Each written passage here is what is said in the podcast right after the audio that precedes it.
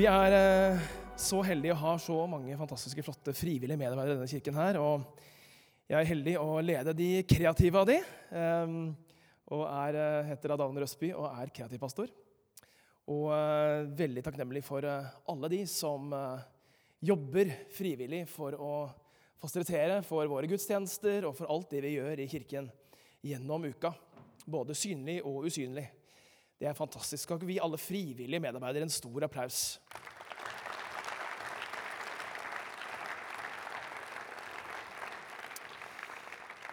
Vi hørte akkurat sangen 'Det er makt i det foldede hender'. En fantastisk fin inngang inn i det temaet vi skal ha i dag. Vi er midt inne i serien vår som vi har kalt for 'Jesus er'. Og vi har sett på Jesus som frelser, helliggjører, åndsdøper, konge. Og i dag så har temaet kommet til at Jesus er helbreder. Men først la oss begynne med å be. Takk, kjære Jesus, for at du er her nå. For at du er til stede her med din ånd. Og der du er til stede, der kan allting skje. Og vi ønsker å være åpne Jesus Kristus i kveld for hva du ønsker å si til oss og gjøre i oss og gjøre iblant oss. Og gi meg nåde til å snakke eh, sant og rett om deg. I Jesu navn. Amen. Helbredelse. Et tema som eh, vi sikkert har veldig mange forskjellige erfaringer med. Assosiasjoner med. Noen syns det er kjempespennende. Noen vil gjerne lære mer om det. Noen har kanskje dårlige erfaringer med bønner som ikke har blitt besvart. Eh, Og jeg nærmer meg dette temaet her med ganske eh, blandede følelser. For det er et tema som vi sitter med veldig mange ulike erfaringer rundt. Men jeg husker første gang jeg erfarte eh, helbredelse i mitt liv personlig. Vi hadde vært på en ferietur eh, i, Syden. Og eh, dette var sånn charterretur, så, så flyene gikk, går ganske seint. Det var sånn nattfly sånn klokken to om natta. eller sånt. Og mamma hadde blitt syk den ettermiddagen og kvelden og lå på senga på hotellrommet og var ikke sikker på om hun orka bli med oss hjem på det flyet. Og så sier mamma til meg, som da var 15-16 år, og det er det verste en 16-åring kan høre fra sin mor, David, kan ikke du be om at jeg skal bli frisk? Og det er kleint å be sammen med foreldre. Jeg synes fortsatt det er kleint å be sammen med moren og faren min. Jeg er 41 nå. Og det er i hvert fall kleint når du er 16. Så jeg la litt motvillig en hånd på henne og ba en veldig, veldig lite inspirert bønn. Eh, kort om at hun skulle bli frisk. Eh, og når jeg sa amen, så sa mamma, 'David, jeg er bedre.' Og den mest overraska personen i det rommet den dagen, det var Moa. Jeg var veldig overrasket, men det sådde i meg et lite frø av tro på at ok, når vi legger hendene våre og ber for mennesker, så kan det faktisk være sånn at Gud kan gjøre et mirakel. Og selv om dette er en enkel og kanskje eh, liksom lite dramatisk historie, så gjorde det noe med meg.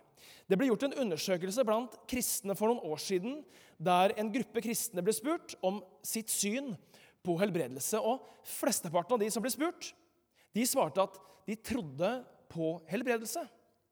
Men flesteparten svarte samtidig at de sjelden ba for syke.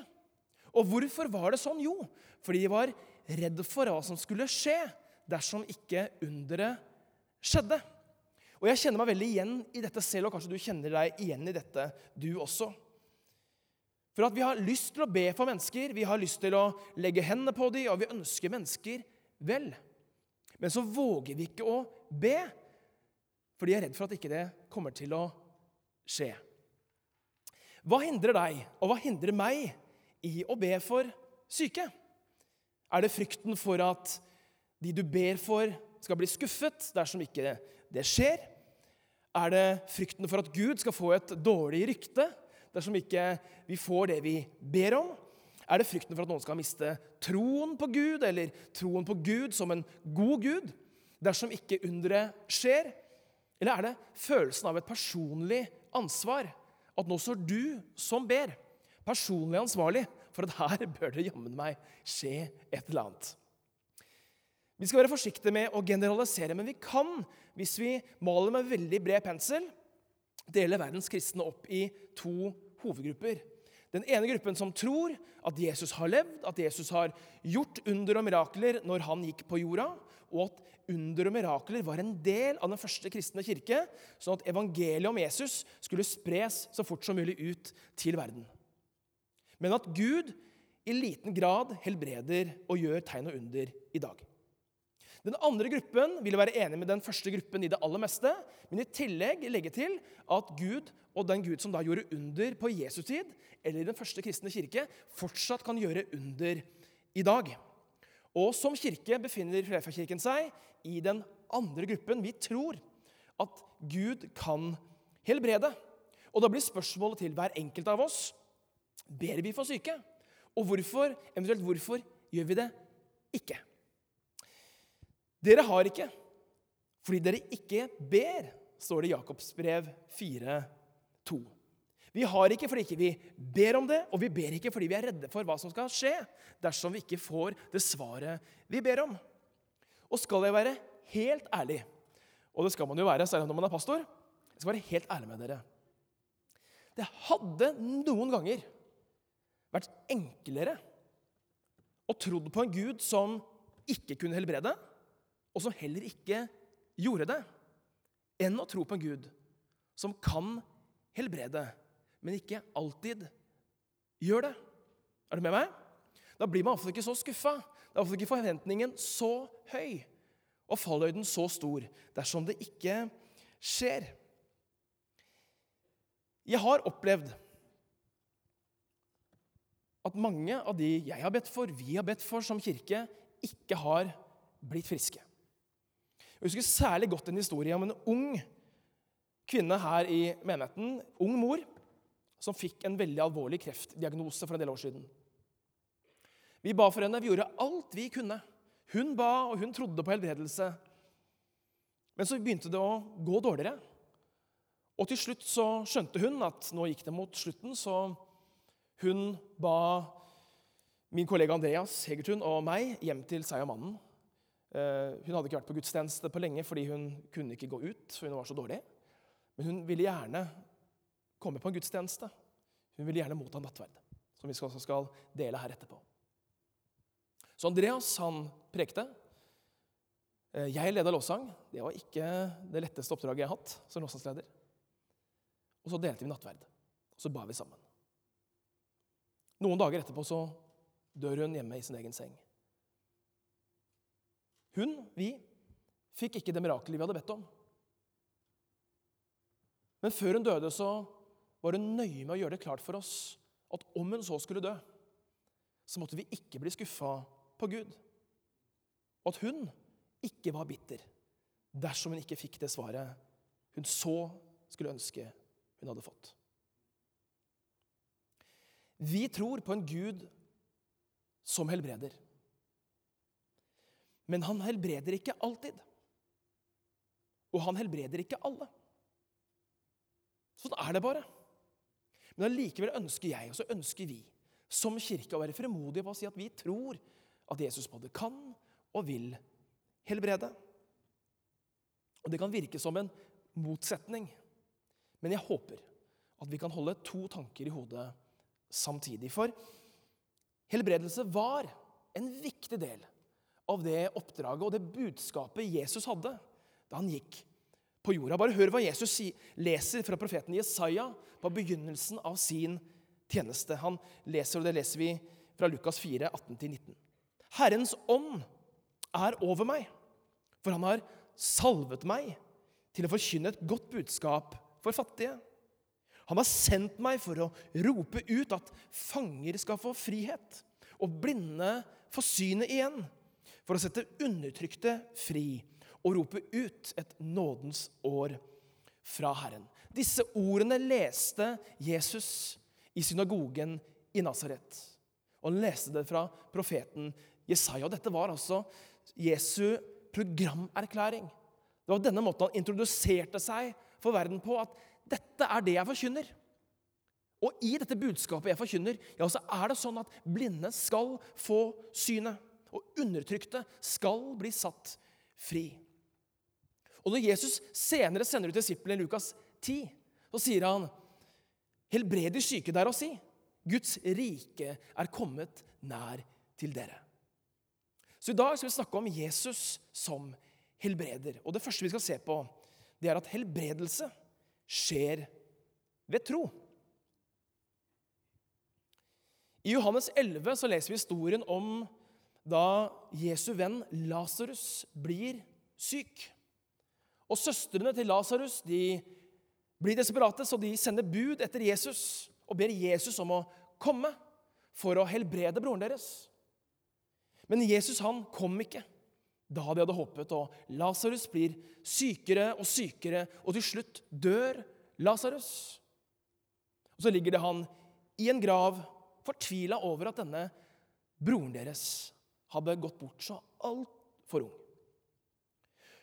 Da Jesus endelig kommer fram til byen der de bodde, så hadde Lasarus vært død i fire dager. Og Vi skal lese fra vers 39, da Jesus har kommet bort til graven. Det står Jesus sier, 'Ta steinen bort.' 'Herre', sier Martha, den døde søster, 'det lukter alt av ham.' Han har jo ligget fire dager i graven. Jesus sier til henne, 'Sa jeg deg ikke at hvis du tror, skal du se Guds herlighet?' Så tok de bort steinen. Jesus løftet blikket mot himmelen og sa, 'Far, jeg takker deg fordi du har hørt meg.' 'Jeg vet at du alltid hører meg, men jeg sier dette på grunn av alt folket som står omkring,' 'så de skal tro at du har sendt meg.' Jeg liker denne dialogen Jesus har med Gud her. ikke sant? Han baksnakker egentlig folk på, mens de hører på. Da han hadde sagt dette, ropte han høyt, 'Lasarus, kom ut!' Da kom den døde ut, med liksvøp rundt hender og føtter og med et tørkle bundet over ansiktet. Jesus sa til dem, 'Løs ham, og la ham gå'. Hvis helbredelse skjer gjennom tro, så syns jeg ikke at jeg ser så veldig mye tro i denne fortellingen her. Heller det stikk motsatte. Da Jesus kom fram til Betania den dagen, så begynte han egentlig bare på minus. For alle der var for det første skuffa på Jesus, sinte på Jesus, for at ikke han kunne komme før og gjøre noe med denne Lasarus som hadde blitt syk. Og gjort det sånn at ikke han trengte å dø. Og For det andre var det jo i dyp sorg over at Lasarus hadde gått bort så altfor tidlig. Og så var det for sent fordi han hadde ligget i graven i fire dager. Det luktet, står det. Så her hjalp det ikke med enkel livredning. Vi kan høre i dialogen mellom Martha og Jesus at stemningen ikke er særlig god. Og Når vi leser teksten, kan det nesten virke som at Jesus drøyde litt med vilje. For litt tidligere i samme kapittel, i vers 6, så står det da han hadde fått høre, altså Jesus hadde fått høre at Lasarus var syk, ble han enda to dager der han var. Og hvis en av dine nærmeste venner eller familiemedlemmer blir syke, og noen tilkaller deg og ber deg komme og hjelpe, så blir du ikke to dager til der du er. Da kaster du deg rundt og booker en flybillett og legger om planer og gjør hva du kan for å komme dit så fort som bare mulig. Det er jo sånn man gjør, er det ikke det, med folk man er glad i? I evangeliene så ser vi ofte at tro og helbredelse henger uløselig sammen. Jesus helbreder deg av tro. Jesus ber folk om å tro. Jesus roser folk for deres tro, og han rettesetter folk for at de har for lite tro. Men troen var ikke til å ta og føle på i Betania denne dagen. Jesus sier til Martha, 'Sa jeg det ikke at hvis du tror, skal du se Guds herlighet?' Så løftet de bort steinen, og Jesus ber altså Lasarus om å komme ut. Miraklet skjer. Jeg tror noen ganger vi tenker at det å ha tro handler om å ha en viss mengde tro. At det er som en slags usynlig mål et eller annet sted. At dersom du oppnår det målet av tro, så vil underet skje. Og den måten å tenke på har skapt ganske mye sår i folk som egentlig tror på helbredelse. Men så har vi hørt at vi trenger tro. Derfor har vi prøvd å skape mer tro. Og så har vi prøvd å skape den i egen kraft. Og det har gjerne ført til selvfordømmelse og høye skuldre og dårlig samvittighet og skuffelse. For at den Gud som sa du skal tro, ikke virker når vi faktisk forsøker å tro. Men jeg tror ikke at det å tro handler om å tro sånn eller tro nok eller tro så og så mye. Nei, Jesus selv bruker dette bildet av sennepsfrøet. Han sier om dere har tro som et sennepsfrø. Og På Jesu tid så var det det minste frøet de visste om.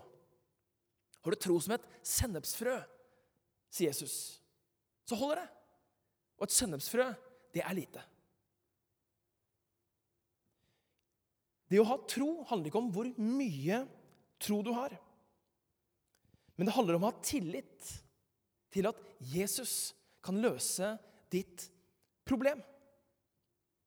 For selv om ikke Martha hadde så mye tro på at broren hennes kunne vekkes opp fra de døde etter fire dager, så tror jeg det at hun gikk til Jesus og ba Jesus om hjelp, var nok. Det var et uttrykk for tro, kanskje midt i hennes vantro. Men hun var desperat, og hun gikk til Jesus og sa, 'Jesus, vær så snill, redd broren vår.' Så når du går til Jesus med ditt problem, i tro til og tillit til at han kan gjøre det, så tror jeg at det er tro nok. Det er sånn Når du går i ødemarka og detter ned et stup Det man gjerne gjør, er det ikke det når man går i ødemarka? Detter gjerne ned noen stup. Og Hvis det er en grein ved det stupet, hva gjør du da hvis du detter ned for et stup og du ser en grein? Hva gjør du da? Tar tak i den. Det er bra, Kim. Fint. Første som regel går du i ødemarka, detter ned fra stup og ser en grein, ta tak i greina. Idet du detter, så tenker du ikke at jeg lurer på, jeg tror ikke jeg skal ta tak i den greina, for den funker sikkert ikke allikevel. Du gjør det du kan for å gripe tak i hva som helst. Og Så tenker du ikke på hvorvidt greina holder eller ikke. Det handler ikke om din tro eller hvor mye du regner med at den greina tåler. Nei, Det hviler jo på greina og greinas bæreevne. Så når vi tror på Jesus Kristus, så er det ikke vår tro det kommer an på, men det er han som er troens opphavsmann, som vi klynger oss fast i. Han som har nok tro for oss alle. Så tar vi tak i det nærmeste vi finner, med det vi har av krefter. Og så vil han gjøre resten. For vi bærer ikke troen, men troen bærer oss. Så Martha henvendte seg til Jesus for å få hjelp. Det står ikke hvor mye tro hun hadde. Det ser vi ikke noe om. Men hun henvendte seg til Jesus. Så hva om vi definerer tro på denne måten? At tro er å henvende seg til Jesus for å få hjelp. Det handler ikke om hvor mye tro du har, men at du tror på Han, som er troens opphavsmann. Et mirakel hviler aldri på deg og på dine gjerninger. Det er derfor det er Jesus og ikke vi som helbreder. Men mirakelet vil alltid hvile på hva Gud har gjort og gjør for deg. Nummer to helbredelse det er et glimt av himmelen. Samme hvor fantastiske helbredelser er, når de skjer, så skal vi vite dette om helbredelser. At helbredelser er alltid midlertidige. For selv om Jesus kalte Lasarus ut av graven den dagen i Betania, så kom det en dag da Lasarus igjen ble lagt i en grav. Og da var ikke Jesus der for å vekke han opp igjen. Når helbredelser skjer, så får vi et glimt av himmelen. Et glimt av det riket som Jesus sa at han brakte. Et glimt av det riket der blindene skal se og undertrykte skal bli satt fri. Guds rike har kommet nær, sier Jesus. Det er kommet nær til oss. Men det har ikke kommet fullt. Men vi ser et glimt av noe som skal komme. Som både har kommet, men enda ikke fullt ut. Derfor kan vi si at helbredelser i sitt vesen er profetiske, for de peker fram imot noe mye bedre og noe mye større enn dag, da ingen skal bli syke, ingen skal eldes, og ingen kommer til å dø. Året etter at jeg ble født, i 1981, så ga Bjørn Eidsvåg ut en låt som heter 'Eg trur'.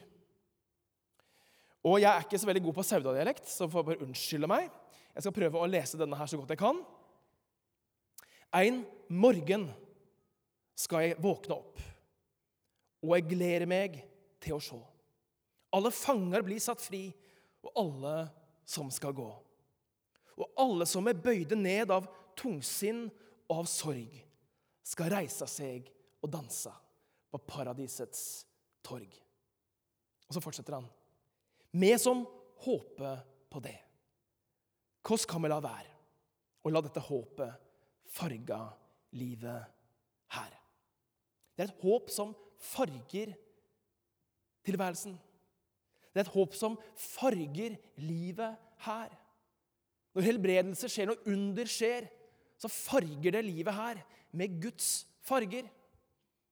Et glimt og en smak av det evige midt i det hverdagslige. Når noen rundt oss blir syke, så gjør vi hva vi kan for at de skal bli friske. Vi ber, vi bruker gjerne penger, vi reiser gjerne steder. Vi gjør, gir bort vår egen nyre dersom noen som står nær oss, kan få hjelp av det. Selv mennesker som ikke tror på Gud, vil jeg tro, ber en bønn til Gud da. Vi trenger et glimt av håp når det virker så håpløst og mørkt. Og For oss som er kristne, så bør den første vi setter vårt håp til, den første vi går til, være Jesus Kristus. Han som har sagt at vi skal komme til Han når vi er tungt å bære. Men selv om vi både tror Eller selv om vi tror at Jesus både kan helbrede og vil helbrede, så må vi vite at helbredelse for våre kropper er midlertidig, men frelsen for våre sjeler er evig. For vi kan jo oppleve helbredelse i dette livet, men gjennom frelsen for vår sjel så vil vi en gang erfare evig helbredelse for våre kropper. Nummer tre. Helbredelser viser Guds omsorg. Hvor mange her inne har satt Gud på prøve noen gang? Og sagt at 'Gud, hvis du gir meg dette, så skal jeg love å gi deg dette'. Er det noen som har, satt Gud på prøve på den måten? Ja. Hvis du bare gjør dette for meg nå, så skal jeg leve hele mitt liv sånn og sånn og sånn og bli munk og flytte til Nepal. Ikke sant? Vi er villige til å gjøre hva som helst. Og så setter vi Gud på prøve og sier, 'OK, Gud, du skal, du skal bare gjøre en bitte liten ting for meg, så skal jeg gjøre et kjempestor ting for deg.' Et av de områdene vi ofte setter Gud på prøve, er jo når det gjelder helbredelse. Og det er veldig forståelig, for er jo, vi er jo desperate på våre egne vegne og på andre menneskers vegne. Vi ønsker at mennesker skal leve gode liv og slippe sykdom, smerte. Men Jesus sier at vi ikke skal sette Gud på prøve. Han irettesatte faktisk de skriftlærde og sa en ond og vantro slekt krever tegn. Og I Johannes evangelium står det enda han hadde gjort så mange tegn for øynene på dem, trodde de ikke på ham. Så de menneskene som gikk sammen med Jesus, så miraklene han gjorde, og så underne han gjorde, kunne høre han snakke, kunne høre han tale De menneskene som var så nær på Jesus, selv dem sier Johannes evangelium. Selv dem trodde ikke at Jesus var den han sa han var. Så selv det å se det for øynene, det hjalp ikke. Jesus var ikke en omreisende medisinmann som tjente penger på å utføre mirakelshow. Nei, Jesus han brukte ikke helbredelser for å imponere. Men Jesus han brukte helbredelser for å vise Guds omsorg for mennesker. Det meste av Jesu tjeneste handlet faktisk om de svakeste i samfunnet. For Jesus var radikalt inkluderende. Han var i berøring av mennesker som andre ønsket å holde på en armlengdes avstand. På Jesu tid så visste de færreste hvordan menneskekroppen fungerte. Og Det gjorde at mange var skeptiske i møte med syke, for de var redd for at sykdommen skulle smitte over på dem. Ifølge Moseloven så var det sånn at en del mennesker ble regnet som urene nettopp pga. redselen for eller overførbare sykdommer. Så disse menneskene falt utenfor både sosialt, men også religiøst. Man tenkte at selv Gud ville ikke ha noe med sånne mennesker å gjøre. Og Mange trodde at sykdom var forårsaket av en forbannelse som lå enten over den syke eller over den sykes familie. Så hvis den syke eller foreldrene hadde gjort en synd eller gjort noe galt i livet, så kunne altså de eller barna deres, og i flere slektsledd framover, ha en forbannelse hvilende over seg. En forbannelse som gjorde de syke. Derfor så ble syke mennesker på Jesu tid ofte utstøtt og utsatt og uglesett. De hadde ofte ingen inntekt, ikke noe sted å bo, og de ble forvist til et liv i ensomhet og fattigdom. Så det å være syk på Jesu tid det handlet om noe mye dypere enn kun fysisk smerte. I Johannes 5, 2-9 så får vi et glimt inn i hvordan forholdene var for de syke i Jerusalem på Jesu tid. Og vi leser Ved saueporten i Jerusalem ligger en dam som på hebraisk heter Betesta. Den er omgitt av fem bueganger. Der lå det en mengde mennesker som var syke, blinde, lamme og uføre. De ventet på at vannet skulle komme i bevegelse, for en engel for Herren steg fra tid til annen ned i dammen og rørte opp vannet. Det første som steg ned i dammen etter at vannet var blitt rørt opp, ble frisk. Uansett hvilken sykdom han hadde. Det var en mann der som hadde vært syk i 38 år. Jesus så ham ligge der og visste at han hadde vært syk lenge, og sa til ham, 'Vil du bli frisk?' Den syke svarte, 'Herre, jeg har ingen som kan få meg ned i dammen når vannet blir rørt opp.' 'Og når jeg kommer fram, går alltid en annen uti før meg.' Da sier Jesus til ham, 'Stå opp, ta båren din og gå.' Straks ble mannen frisk, og han tok båren sin og gikk. Dette er på mange måter en utrolig hjerteskjærende historie på så mange lag. At denne mannen lå så nær sitt mirakel, men han kom seg aldri uti. Fordi ingen kunne hjelpe han ute i vannet akkurat i det øyeblikket som vannet hadde helbredende kraft. Men Jesus han har omsorg for mannen, og han helbreder ham uten at mannen trengte å foreta seg noe som helst. Han trengte ikke å gå en centimeter, han trengte ikke å ta et skritt. Også Jesu helbredelse mottar vi av nåde, ikke vår egen fortjeneste. For hos Jesus så stiller aldri noen sist eller først i køen. Nei, Jesu omsorg den er radikalt inkluderende og gjelder alle, uansett situasjon, kvalifikasjon eller funksjon. Når Jesus helbreder syke, så gjenoppretter han ikke bare kroppen deres, men han gjenoppretter også verdigheten deres. Det er nemlig mye med det å være syk. Og det vet helt sikkert dere som er syke eller har kroniske sykdommer. At det er mye ved det å være syk som ikke bare handler om sykdommen eller smerten du bærer, men om den konsekvensen som den sykdommen får for ditt liv og din livsutfoldelse husker en elev av meg på bibelskolen for mange år siden.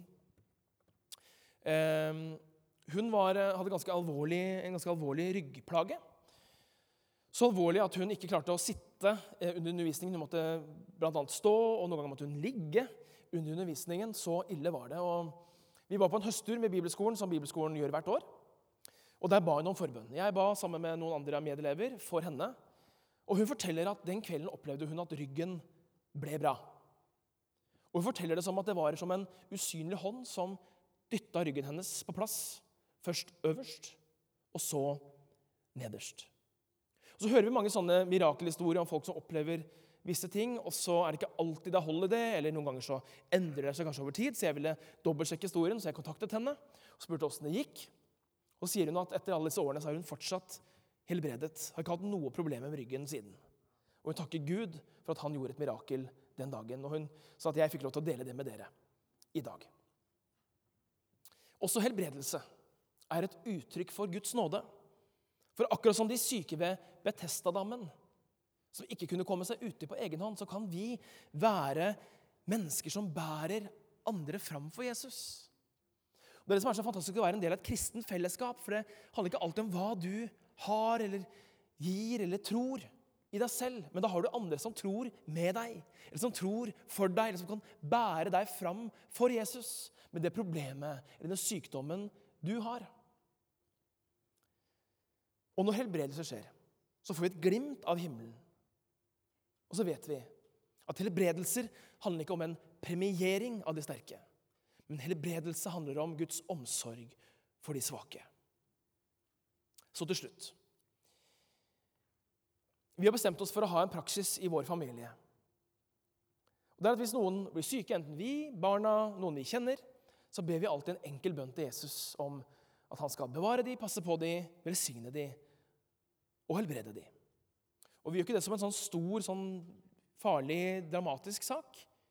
Men vi ønsker å gjøre det som en naturlighet at vi som en kristen familie først går til Jesus med de problemene vi har, og de bønnene vi bærer på. Sånn at i en kristens liv tenker vi at det skal være like naturlig å be om forbønn eller å gå til Jesus i vår nød, som det er å spørre om noen kan sende deg smøret. Jeg vil oppmuntre alle dere til å ha denne praksisen i livet deres. At om det er noe, gå til Jesus. Henvend deg til Jesus. Gå til han med ditt problem i tro, men så tillit til at han hører, og at han vil svare deg. For når vi gjør forbønn til en naturlighet, så vil vi gjøre helbredelser til en mulighet. Vi tror, vi ber, vi banker på, og så vet vi at Gud hører oss. Noen ganger skjer det et under, noen ganger skjer det ikke et under. Og noen ganger så får vi hjelp på andre måter gjennom dyktige leger, god medisin eller god omsorg fra andre. Men jeg håper, jeg håper virkelig at vi kan ha to tanker i hodet samtidig. At vi både frimodig kan be om Guds kraft til å få vårt mirakel. Og samtidig be om Guds styrke til å vente på vårt mirakel. Helbredelser for våre kropper, det er midlertidig. Men frelsen for våre sjeler er evig. Amen.